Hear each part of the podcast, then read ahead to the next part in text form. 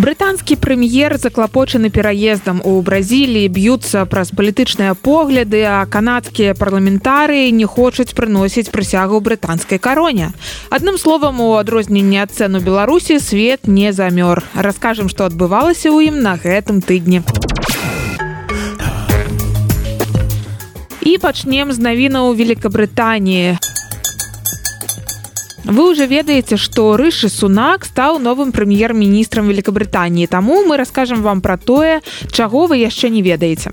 А вы, напэўна, не ведаеце, дзе будзе жыць новы брытанскі прэм'ер. Калі на тое большасць брытанскіх прэм'ераў з 1735 года жыла па адрасе Даўнінг стрыт 10. Але калі прэм'ерам стаў Тоні Блэр, ён і яго жонка Чэры памяняліся дамамі з тады яшчэ не жанатым канцлерам горданам Браунам і пераехалі з кватэры кватэры над домам нумар 10 у кватэру над домам нумер 11 справа ў тым што яна аказалася больш прасторная. Блэры ператварылі гэтую прастору ў сямейны дом і вось ужо некалькі прэм'ераў аддавалі перавагу ёй перад традыцыйным нумарам 10 а ў десятой кватэры сяліліся канцлеры. Новы прэм'ер сунак яшчэ гэтай вясной быў канцлерам. Гэта значыць жыў у кватэры нумар 10 і цяпер ён абвясціў што збіраецца вярнуцца ў яе. І па пакіне па-за ўвагай больш прасторную 11 кватэру Таму што там у 10 ён і яго сям'я былі шчаслівыя. Мы мяркуем што гэтая кароткая бытавая гісторыя у поўнай меры адлюстроўвае марнасць спробаў наскоку разабрацца ў брытанскай палітыцы і ў тым чаму і навошта прэм'еры мяняюць кожны месяц. У іх там усё складана але вельмі цікава З вясны ў Брытаніі паспела змяніцца тры прэм'еры, а Ілан Маск увесь гэты час спрабаваў купіць твиттер. І вось гэтай раніцай Маск напісаў: птушка вольная.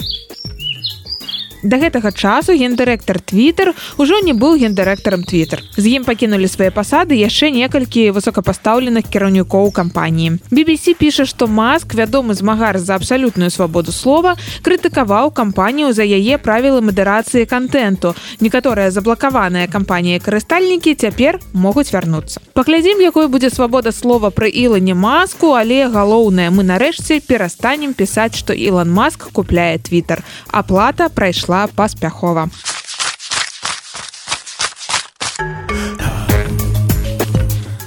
Уявіце, што дэмакратыя перамагае, надыходзіць дзень выбараў. правыя могуць свабодна выказваць свае ідэі, левыя могуць агітаваць за свае, як быццам уся краіна ператвараецца ў той самы твиттер. Гэта значыць, што становіцца ўсё вельмі таксічна і вельмі палярызавана. Таксічнасць і палярызацыя менавіта так Вашынгтон пост апісвае выбары ў маладой, але буйной паўднёва-амерыканскай дэмакратыі Бразіліі. У гэтыя выходныя адбудзецца другі тур выбараў і трапічны трамп то бок дзейны прэзідэнт жаір балсанару будзе біцца за прэзідэнцкую пасаду з экс-прэзідэнтам лулам да сілва адзін бок разглядае другі як агента ў граху і сатанізму як камуністычных марыянетак схільных апрацоўваць дзяцей у школах левым парадкам дня і да сацыяльнага захопу эканомікі іншы бок бачыць як яе праціўнікі вядуць нацыю шляхам фашызму і разрухі вывяргаючы пры гэтым фанатызм.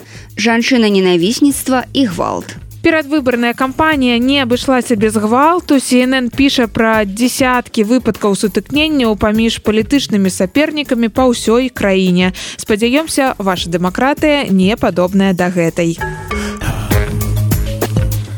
але досыць пра дэмакратыю пяройдзем да манархіі некаторыя канадскія то бок квебекскія парламентарыі больш не хочуць прысягаць на вернасць брытанскай кароне піша BBC так 14 нядаўна абраных палітыкаў квебека адмовіліся прынесці прысягу на вернасць каралю карлу трэцяму.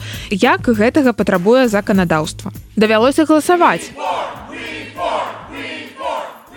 І ўсё ж большасць парламентарыяў выказалася за тое, каб захаваць сувязі з каронай, а брытанскага караля і далей афіцыйна лічыць кіраўніком Канады.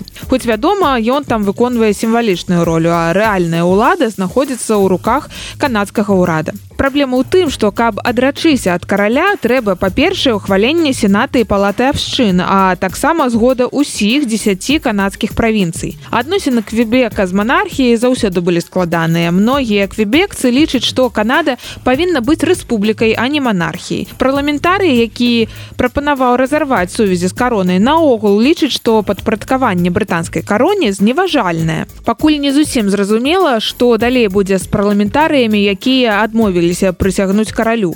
З аднаго боку прэс-сакратар прэм'ер-міністра квебека сказаў так надышоў час адмяніць абавязковую прысягу для парламентарыяў. А з іншага боку для гэтага трэба каб тыя ж парламентарыі прынялі адпаведны законапраект. А для гэтага патрэбна каб яны правялі паседжанне. Але ці могуць засядаць парламентарыі якія не прысягнулі? У квебеку ламаюць галаву што рабіць а маглі б просто сказаць што часам не да законаў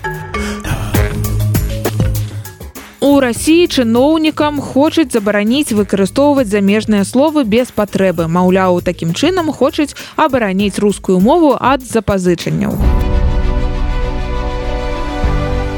А мы навучым вас замежнаму слову, якога няма ні ў рускай, ні ў іншай мовах. Журналісты BBC перачытвалі эсэ Джона Толкіна пра казкі і выявілі там слова эўкатастрофа. То бок такая антыкатастрофа ці антыканец свету. Паводле Толкіна эўкатастрофа часта здараецца ў самы змрочны момант, калі надзея на добры фінал ужо здаецца амаль страчаная. І тут прылятаюць арлы, якія дапамагаюць героям перамагчы смока або горлам зрываюцца ў прорву і забірае з сабой пярсцёнак усё ўладдзя. Мы так часта гаворым пра канец свету і расказваем вам у асноўным дрэнныя навіны, а можа у нас проста не было прыдатнага слова для антыканца свету. Цяпер яно ў нас ёсць і карыстайцеся і расійская дзярждума вам не ўказ.